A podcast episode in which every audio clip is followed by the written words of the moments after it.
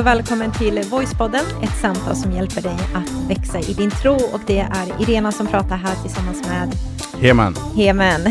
Och vi är redo för del tre är vi inne i nu när det handlar om det här temat förlåtelse. Mm. Eh, och förra gången så pratade vi om just det här om att du kommer kanske inte glömma det du har varit med om, men du kan förlåta.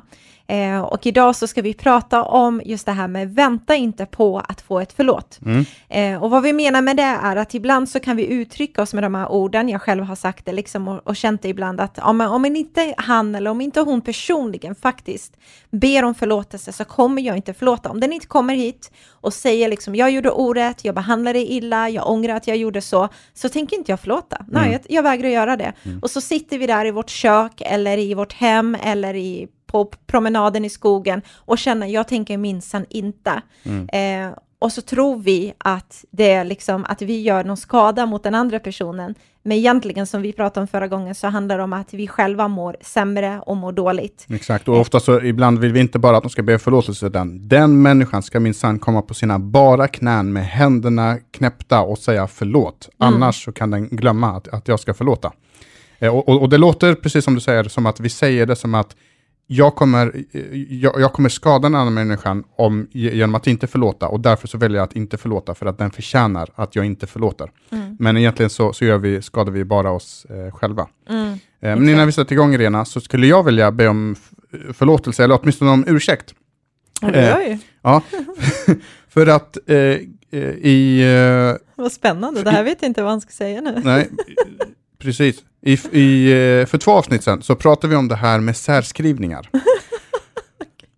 Och då gjorde jag en stor grej av att jag minsann vet hur man grammatik och jag, jag liksom eh, ska visa hur, hur folk särskriver och hur man ska mm, inte lite särskriva. Lite sådär. Precis, och under de här avsnitten så har vi, när vi har berättat om alla liknelser kring bilar och det kommer en sån här billiknelse till i det här mm. avsnittet, så när du tänker på förlåtelse så kommer du tänka på bilar, du kommer tänka på en Saab 900 Talladega. Ja. Eh, så vi pratar om liksom allt det här med bilar och alla vet ju att vi kan ingenting om bilar. Nej.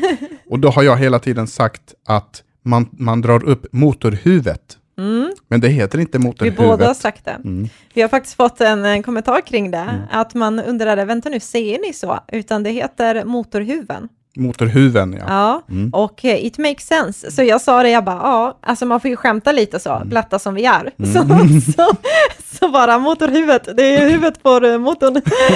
så, it makes sense liksom. Men nej, så var det inte. Så det var ju kul mm. att få en korrigering. Jag tyckte det var jätteskönt att han sa, ni båda sa det. Mm. Så det kändes så här, ja, vad skönt att det inte Någon bara var typ jag. Att, ja. att det inte bara var jag som sa fel. Precis, man tänker typ att, typ så här, motorn, sit, motorn är hjärnan av ja, huvudet. Ja, eller hur? Sätt. Jag har alltid tänkt så. Precis, det där, det där, det där. så har vi ögonen, lamporna, så har vi rumpan där bak. Det är liksom, det är så det funkar. Ja, och, och, och, liksom, och det är i motorn som bilen tänker. Ja, precis. Och, eh, och, eh, huvudet, och, där, och, och, och, och, och, hjärnan ligger ju i huvudet, så därför så ligger motorn i motorhuvudet. Ja. så, vi, så med det sagt, vi, vi fortsätter säga motorhuvud. Nej, mm. det gör vi inte. Med motorhuven så vet vi det. Mm. Eh, och nu så tycker jag att vi kastar oss in i det här och börjar prata seriöst om att vänta inte på att få ett förlåt.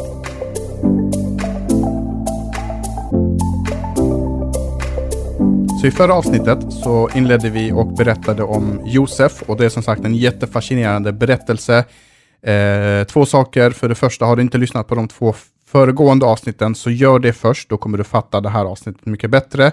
Och det andra, läs gärna första Moseboken kapitel 37 mm. eh, och, eh, framåt. och framåt och hela den berättelsen. Jag tror den är fem, sex kapitel och sånt där. Eh, det är en jättehäftig och fascinerande berättelse och man får en helt annan bild och eh, man känner igen sig helt enkelt i Josef. Mm. Eh, och bara en, en jättekort recap. Eh, Josefs bröder eh, sviker honom, de slår ner honom, de säljer honom som slav. Det slutar med att Josef blir prinsen i Egypten, han blir högsta, näst högst i befäl i Egypten därför mm. att farao blir imponerad över Josef och han skaffar sig verkligen välstånd och makt. Alltså det finns bara en person som är mäktigare än Josef i det här laget och det är eh, farao själv. Eh, och många år senare så inträffar ju det som Josef hade drömt om. Han hade två drömmar. eller förlåt, han hade en, eh, farao hade en dröm som Josef uttyder, så Mm. var det. Eh, och den drömmen gick ut på att det skulle först vara sju år av välstånd, eh, det, man skulle, liksom, grödorna skulle växa och man skulle Mm. eh, få in väldigt mycket, följt på sju år av hungersnöd, då det kommer vara brist och det här skulle gälla alltså över hela världen, så det gäller liksom inte bara i Egypten. Precis. Så, eh, och Josef lyckades tyda den drömmen och då gav han tipset och rådet till farao att eh, då gör vi så här att under de här sju åren så ska vi samla i lador och eh, eh, för att sen kunna använda det under de tuffare åren. Mm. Och det, precis det gjorde de och nu är de mitt i den här perioden och eh, de sju åren har, av välstånd har varit och nu är de inne i den här liksom, hungersnödsperioden och hela världen upplever det här. Det är Mm. liksom torka, man, grödorna växer inte. Och på grund, av att, i, på grund av att de har sparat i Egypten så har människor börjat vallfärda dit för att kunna köpa mat och säd och allt vad de, eh, vad de behöver. Eh, och den som säljer allt det här till alla dessa världens folk, det är Josef själv. Ja, det är riktigt häftigt. Och det som är ännu häftigare i den här händelsen är att Josefs bröder, så fortfarande nu tror att Josef är död, där han, de har ju lämnat honom där, de tar sig också till Egypten, för de är ju också i behov av att få liksom mat hem.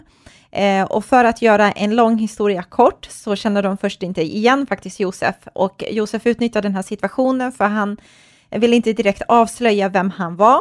Eh, och i samtalet med dem så kommer alla dessa känslor upp igen. Han kommer ihåg vad de gjorde, han ser sina bröder. Eh, och, liksom, och det står till och med att han tvingas att vända sig om för att gråta, för han Jaha. vill inte visa det. Han går ut ur rummet, han går in i ett annat rum, gråter ut och sen kommer han, han torkar tårarna och sen kommer han tillbaka för att fortsätta samtalet med de här bröderna som fortfarande inte känner igen honom. Och man ser ändå Josefs liksom agerande på att han, någonstans så har han dealat med det här med att förlåta. För Josef han tar hand om sina bröder, han låter dem liksom till och med hämta sin pappa, han ber dem göra det. Eh, och de får allihopa liksom ett, eh, ja, ett bättre boende, ett bra liv och en tid senare så dör hans pappa då.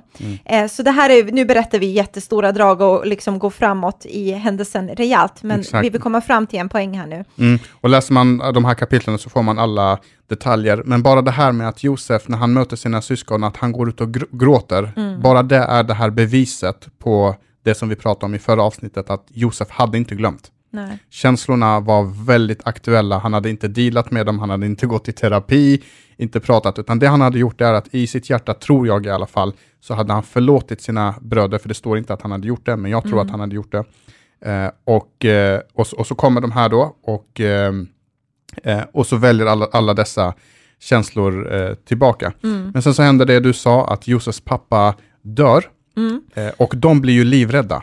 Därför att de, de tror att vi lever fortfarande på grund av våran pappa. Därför att varför skulle, annars skulle Josef vilja låta oss eh, leva, allt det, med tanke på allt det vi har gjort mot, mot honom. Mm, och vi kan läsa om det, det är jättespännande. I första Moseboken kapitel 50 och vers 15-20, då står det så här. Men efter sin fars död sa Josefs bröder, nu kommer Josef kanske att hysa agg mot oss och ge igen för allt det onda vi har gjort mot honom, nu när pappa inte liksom finns med i bilden, precis som du sa Heman. Därför sände de bud till honom och lät säga, innan din far dog, så bad han, säg till Josef, vi ber dig, förlåt till dina bröder, deras synd och allt det onda vi har gjort mot dig. Vi ber dig därför, förlåt oss, din fars gudstjänare, allt det onda vi har gjort. Och när Josef fick meddelandet så brast han i gråt. Och sedan kom hans bröder och föll ned inför honom och sa, vi är dina slavar. Men Josef sa till dem, var inte rädda, jag är väl inte Gud. Det ni avsåg var ont mot mig, men Gud förvandlade det till någonting gott för att göra det som nu har skett och för att rädda många människors liv. Alltså det här är helt otroligt.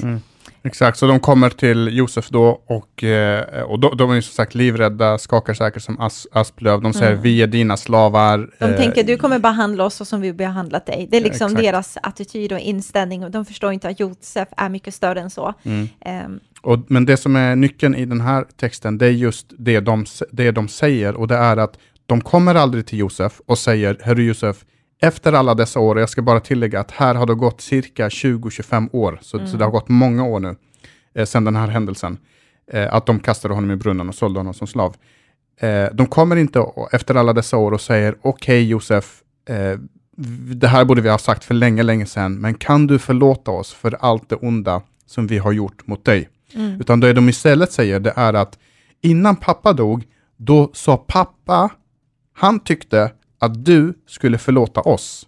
Mm. Eh, så de ber aldrig om förlåtelse, utan de säger pappa har sagt att du ska förlåta oss. Och svaret som Josef ger dem är, bevisar verkligen att han hade verkligen förlåtit dem, för vi ser hans attityd. Och så säger han, men var inte rädda för att det ni trodde att ni skadade mig, det, gjorde, det använde Gud och så gjorde han någonting mm. gott av det. Kolla vad jag är nu. Jag är liksom andra i befäl i Egypten och jag har makt och jag har favör och jag har kontakt med Gud och alla de här sakerna. Och, och det, när man ser på Josef så ser man att han faktiskt har bevarat sitt hjärta under alla dessa år gentemot Gud. Alltså Gud förde honom från botten ända upp till liksom ganska hög status och genom alla de här olika lager och nivåer så ser han hur han har jobbat med det här, hur han har förlåtit dem, han kanske inte har glömt som du säger, men att han tog ett beslut, kanske redan där i fängelsehålan med att jag kommer en gång för alla nu bara igen bara påminna mig själv om att jag inte vill leva i bitterhet. Jag vet att det var orätt. Jag har ingen förståelse för varför mina bröder gjorde som de gjorde. Mm. Jag kommer nog aldrig fatta det, men jag väljer att förlåta. Exakt, och det Josef gjorde det var att han väntade inte på deras förlåt Nej. för att han skulle förlå förlåta dem. För eh, som du sa förut också så hade han gett dem ett gott liv, de fick ett bra mm. hem, alltså han tog hand om de personerna som gjorde honom ont. Och mm. det kan man inte göra om man inte förlåter. Eh, så han, Josef väntade inte på att de skulle säga förlåt, för att det där förlåtet, om han hade väntat, så hade det där förlåtet aldrig kommit. Nej. Han hade kunnat vänta resten av sitt liv och det där förlåtet hade inte kommit. Och beviset på det var just att till och med när hans pappa, när deras pappa dör, så drar de ihop en story, eh, för troligen så var den inte sann, att, att, eh, eller det kanske var sann, jag har ingen aning, men att de säger att pappa har sagt att du ska förlåta oss istället för att bara säga Erkänna förlåt. och lägga ner sin egen stolthet, ja mm. precis, och bara säga förlåt oss, det vi gjorde var obeskrivligt.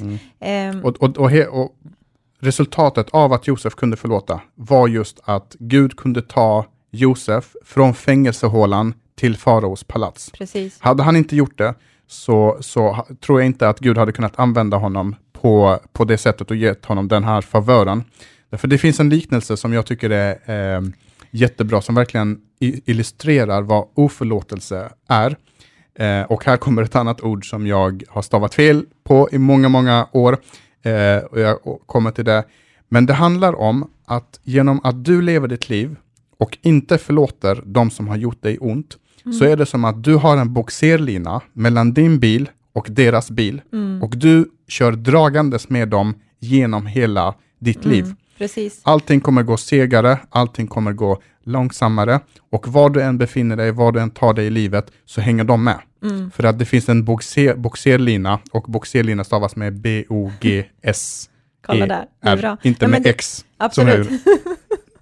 Men det blir, det blir ju den här äh, osynliga linan mellan dig och den här personen som du säger. Och den som har gjort dig illa så känner du en attachment till den. Och var du än tar vägen så drar du med dig alla dessa negativa känslor och tankar. Och hur kunde jag? Och det saktar ner dig, eh, både i ditt välmående men även också liksom i det som ligger framför dig som Gud har för dig. Och förlåtelse har inte med den andra att göra egentligen, utan det har enbart att göra med att du gör ett val och du tar ett beslut och du bestämmer dig för att jag ska klippa den här linan nu en gång för alla.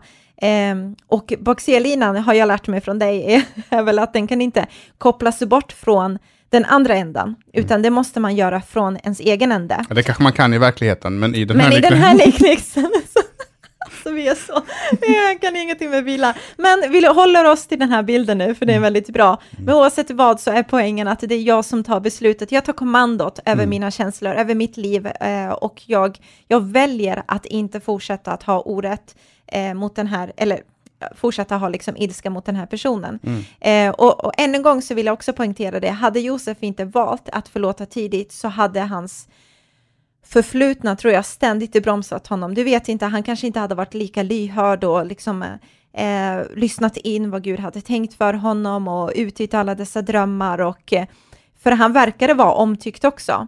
Och jag tror att det är också en en signal på att han inte blev bitter. Mm. För när man blir bitter så blir man cynisk som människa, man blir liksom man blir inte glad och det händer så mycket hemska saker igen när man låter den här bitterheten slå rot. Mm. Man kan dofta till sig en bitter människa på flera kilometers avstånd. Och som sagt, jag tror inte någon vill vara där, men det finns frihet liksom i att kunna få ta det här steget och, eh, och förlåta. Och det där är något som jag har fått uppleva first hand. För jag, jag växte ju upp med eh, eh, först en riktig pappa som eh, lämnade oss när jag var eh, typ nio år gammal. Eh, och han var verkligen inte någon bra eh, pappa. Det, gjorde man, alltså drack och söp och gjorde grejer. Jag mm. minns att jag liksom kunde åka på, på, på nätterna så hopp, fick jag hoppa ut ur fönstret för att jag vaknade i, mitt i natten och ville gå in till pappa för att jag hade drömt en mardröm. Men han var inte i sängen utan han hade gått ut så jag fick hoppa ut genom fönstret och leta på honom, leta efter honom i, på stan och när jag väl hade hittat honom så tog jag hem honom och eh, satt bredvid sängen uppe hela natten med en hink för om han skulle spy så, så, så var jag där. Mm. Eh, han gjorde massa andra grejer, jag ska inte gå in på så mycket detaljer. Eh, men eh, när jag blev kristen så, så bara förstod jag att om, jag, om Gud ska kunna använda mig, mm. om jag ska kunna bli använd av Gud och liksom eh, att han skulle kunna göra allt det som han vill göra med mig, då måste jag kunna förlåta det som hände med honom, det mm. som han gjorde eh, mot mig. Eh, och sen några år senare så gifter min mamma om sig och då drar hon in en ny man i sitt liv igen. Det visar sig, surprise, surprise, han var också drogmissbrukare och, och eh, gjorde de här grejerna. Eh, samma sak där, jag fick bestämma mig väldigt fort att, och, och han, han, till skillnad från min riktiga pappa så brukade han våld, han slog oss och, mm. eh, och gjorde det på ett sätt så att det inte märktes. Han hade sina knep, liksom, att han kunde slå och så visste han om jag slår på det här sättet då får de inte blåmärken. Ja, det är sjukt. Till exempel eh, knacka med sin näve på, vår, på skallen liksom och sparkar i rumpan och olika saker. Och magen också. Eh, men hur som helst, eh, samma sak där, när jag blev kristen så bara visste jag att den här personen måste jag förlåta. Mm. Och en gång så hade jag fått eh, ett jobb i en mobiltelefonsaffär, en jätteliten så här kiosk kan mm. man säga. Så jag satt där, jag tyckte att det var ett, liksom ett fantastiskt jobb. Och eh, rätt vad det är, han, han, han, vet ju, vi har tappat kontakten för länge sedan. Och rätt vad det är, tro det eller ej, så kommer han in i den här lilla kiosken. Så det är bara jag och han där. Mm. Och jag var så chockad över mig, mig själv för att det, det var precis som att de, alla de här känslorna som jag bar inom mig av ilska, av besvikelse, av hat också. Det mm. fanns äh, känslor av hat. Det var som att de, du vet som en liten bäver äh, i det här bäverspelet som ville titta mm. upp och så slogs de ner mm. igen. De fick liksom en två sekunders äh, chans att blossa upp och sen så tystnade de igen. Och jag tror att anledningen till det, det var att jag redan hade förlåtit honom. Mm. Det hjälpte mig att kunna deala med den situationen, kunna hantera den situationen. Eh, och, eh, och jag tror att det har hjälpt både mig och det har hjälpt dig, det har hjälpt vår familj. Att jag inte går runt och bär på honom, mm. bär på min riktiga pappa med den här boxerlinan och går dragandes genom med, med dem mm. resten av mitt liv. Det behöver jag inte göra. Nej. Och om jag inte förlåter dem så, är, så skadar jag inte dem, för de har gått vidare med sitt liv. Min pappa är, eh, riktiga pappa är död nu, mm. eh, utan, utan jag gjorde det för min egen skull. Mm, precis, ja, det är verkligen för mig som vet i kanske lite mer detalj vad du har gått igenom så är det starkt att höra att du tog det beslutet att vilja förlåta och jag tror du som lyssnare har säkert kanske andra saker som du vet om, du har varit med om som du känner så här, oj, jag behöver verkligen förlåta för min skull, för när vi väljer att förlåta så låtsas låtsas den här handbromsen vi har pratat om, om boxerlinan kopplas bort och du får uppleva på riktigt en frihet som du pratar om Heman, eh, som är från insidan och utåt. Mm. Liksom. Och jag ska bara tillägga, varken min pappa eller min styvpappa har någonsin bett om förlåtelse. Mm. De har aldrig kommit och erkänt att de har gjort fel, de har aldrig kommit och bett om förlåtelse. Mm. Och jag vet att hade jag väntat på det, då hade jag fått vänta resten av mitt liv. Mm. Ja, men jag tänker att det är en god attityd att ha det så, att bara inför Gud, Gud, jag väljer att förlåta. Och till och med när vi känner orätt och bara, Gud, du ser allt, så brukar jag tänka. Ibland när jag känner så här att det är orätt, bara, Gud, du ser verkligen alltihopa. Eh, och jag väljer att göra min del. Jag kanske har till och med saker i att jag behöver be om förlåtelse om.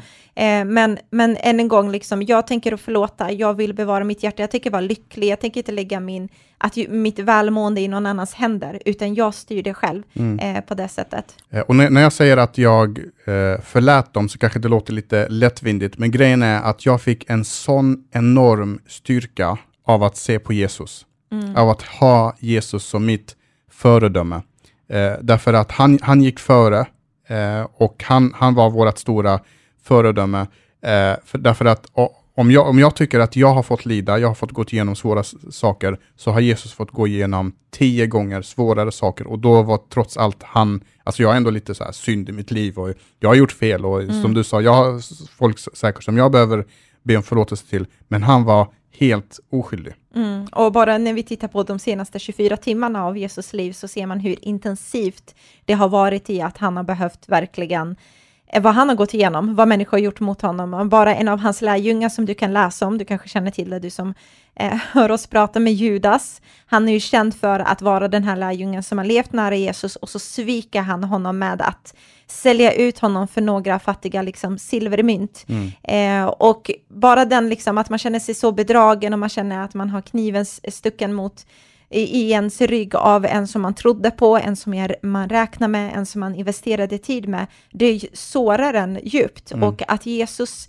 fick vara med om det eh, ger mig ändå hopp om att okej, okay, om han klarade att dela det så kan han ge mig nåd och kraften att förlåta när jag känner likadant. Mm. För jag tror att vi kan känna att vi har blivit svikna, vi kan känna att vi har blivit övergivna av vissa och eh, jag tror just det här som du berättar om din pappa som stack, jag tror det är flera som känner igen sig i det här, ja men mamma var inte där, hon var inte närvarande. Vissa kan ha föräldrar som faktiskt är fysiskt närvarande men känslomässigt bortkopplade hela ens uppväxt. Mm. Så det finns olika typer av över, övergivelse som man kan känna. Liksom. Mm. En del har säkert eh, haft en flickvän eller pojkvän, man, hustru som, som lämnat dem Eh, eller en kompis som man trodde det här skulle liksom räcka, det här, vår vänskap skulle gälla hela livet och så blev man eh, lämnad av den personen och Jesus mm. blev lämnad. Han blev lämnad av Judas, men han blev också lämnad av sina lärjungar när han är där i den här eh, trädgården som heter Getsemane. Det står att han svettas blod av den ångesten som han vet att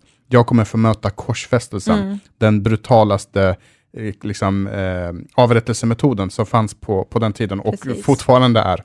Eh, och så, så, alla de känslor som, som vi känner, Jesus blev mobbad, eh, man retade Jesus, man stack en törnekrona i hans mm. eh, huvud, man, eh, man slog honom och till slut så, så spikade man upp honom naken mm. i sex timmar på ett kors och där fick han hänga och lida fysiskt. Och då mm. blir ju frågan när när, när, när allt det här hände så blir ju frågan, vad hade du och jag sagt i den situationen? Mm. Vad hade du gjort om de som du har skapat, för Jesus skapade de här händerna som slog honom. Mm. Han skapade de här händerna som spikade upp honom på korset. Vad hade du gjort att de du ger ditt liv för, de du älskar så mycket, de du skapar, gör det här mot mm. dig? Och vad säger man i den situationen? Eh, och det här är vad Jesus säger i den här sessionen och det ska vi läsa i Lukas evangeliet kapitel 23 och vers 34. Så säger Jesus de här orden som är helt fantastiska och som är också de orden som gav mig styrkan att förlåta. Och så säger han så här. Far, förlåt dessa människor för de vet inte vad de gör. Mm. Han väntade inte tills det var över. Han väntade inte tills han fick ett, för, eh, ett förlåt från de här människorna, för de, de, de hade ju ingen skam i kroppen, speciellt de här romerska mm. eh, soldaterna. Eh, de kom ju liksom inte till Jesus, du Jesus ursäkta oss för, för, det, för, det, för det vi har gjort och att Precis. det var därför Jesus förlät dem. Utan de bad inte om förlåt, men trots det så valde Jesus förlåtelsens väg mm. och han förlät de här människorna mitt under det att de mm. slog honom. Och Det är det som är det, det starka med det liksom det Jesus gjorde, att han förlät inte för att de bad om det. Gud förlåter inte oss för att jag har gjort bot på alla mina fel och brister och synder och jag liksom fixat till det, utan han förlät för att han valde att förlåta innan vi gjorde någonting för honom. Mm. Eh, och det här är kärleken, säger Bibeln, inte att vi, liksom, vi har gjort massa saker för Gud först, utan han valde att ge sitt liv för oss och förlåta oss mm. där på korset. Och han förlät mitt i smärtan, mm. mitt i lidandet, mitt i allt det här som du och jag kan, kan känna ibland, Precis. eller ofta. Ja, men verkligen. Och jag tror vi skulle kunna prata jättemycket om alla olika scenarier som vi alla känner igen oss i. Och jag tror poängen har kommit fram i att vi vet, du som lyssnar känner säkert till flera olika situationer där du känner så här, oj, jag behöver verkligen ta tag i det här och bevara mitt hjärta och, liksom, och förlåta och be Gud om hjälp i det. För Jesus, om du har kunnat göra det och du till och med är helt oskyldig i det här, eh, så hjälp mig att göra det och ge mig modet att göra det. Så att förlåta betyder inte att det någon har gjort mot dig är okej. Okay. Det är inte det vi pratar om. Jag vill vara supertydlig med det. Att förlåta betyder inte att du kommer kanske glömma. Du kanske glömmer vissa små saker, men du kommer komma ihåg säkert händelsen. Att förlåta betyder inte att du börjar lita på den här människan igen. Och där tror jag skulle kunna stanna upp här jättemycket och prata om det. Att i faktiskt kyrkan ibland så kan vi ha de här förväntningarna av att ja, men förlåter du så är det allt är klart och nu är det bara som vanligt och det är vi liksom som om det var igår. Förlåtelse men, betyder inte försoning. Nej, och att förlåtelse betyder inte att man har en tillit igen. Jag förlåter dig, men jag kanske inte litar på det, utan det kommer kanske dröja ett tag innan jag litar på dig, liksom, på vem du är och på dina ord och så vidare. Men att förlåta betyder inte heller att jag måste släppa in den här människan i mitt liv igen. Eh, och det kan man göra om man vill försonas. Vi har ju varit med om det med några vänner där vi förlät varandra och vi försonades liksom och vi, och vi ville det för många, många år sedan. Där båda parter erkände sin fel och båda kände så här, ah, vi behöver förlåta varandra i det här och det blev så starkt. Men i många fall så kommer det inte kanske vara den typen av försoning. För jag vet inte statistiken, men i ganska stora situationer så brukar det oftast vara att den som har gjort orätt mot den tycker inte, eller förstår inte, eller vet inte vad ens handlande har gjort för någon påverkan. Mm. Och jag tror alla de sakerna som du nämner är just det som kan ibland hindra människor från att för, från att förlåta, för att man tror just de här grejerna, att jag måste glömma, jag måste bli bundes med den här personen mm. igen. Jag menar, snälla, tänk, tänk, om, tänk om det är en, en pedofil, alltså som, som eh, som har gjort något mot mitt barn och jag måste förlåta för att kunna gå vidare. Jag kommer ju inte låta den personen vara barnvakt. Eh, eh, alltså, eh, mm. så, så, så, de förväntningarna finns ju inte, men däremot så betyder förlåtelse att låta vara. Förlåt mm. betyder att låta vara. Att släppa taget och att ge upp också rätten att vara arg och bitter. Mm. Att jag måste inte vara arg, jag behöver inte vara arg och bitter, även om jag har rätt till det för den andra personen har gjort orätt mot mig, jag har rätt att vara arg och bitter. Mm. Men jag gör upp den rätten för att eh, jag vet att Gud har någonting bättre för mig som inte inkluderar att jag ska gå runt och vara arg och bitter resten av mitt liv.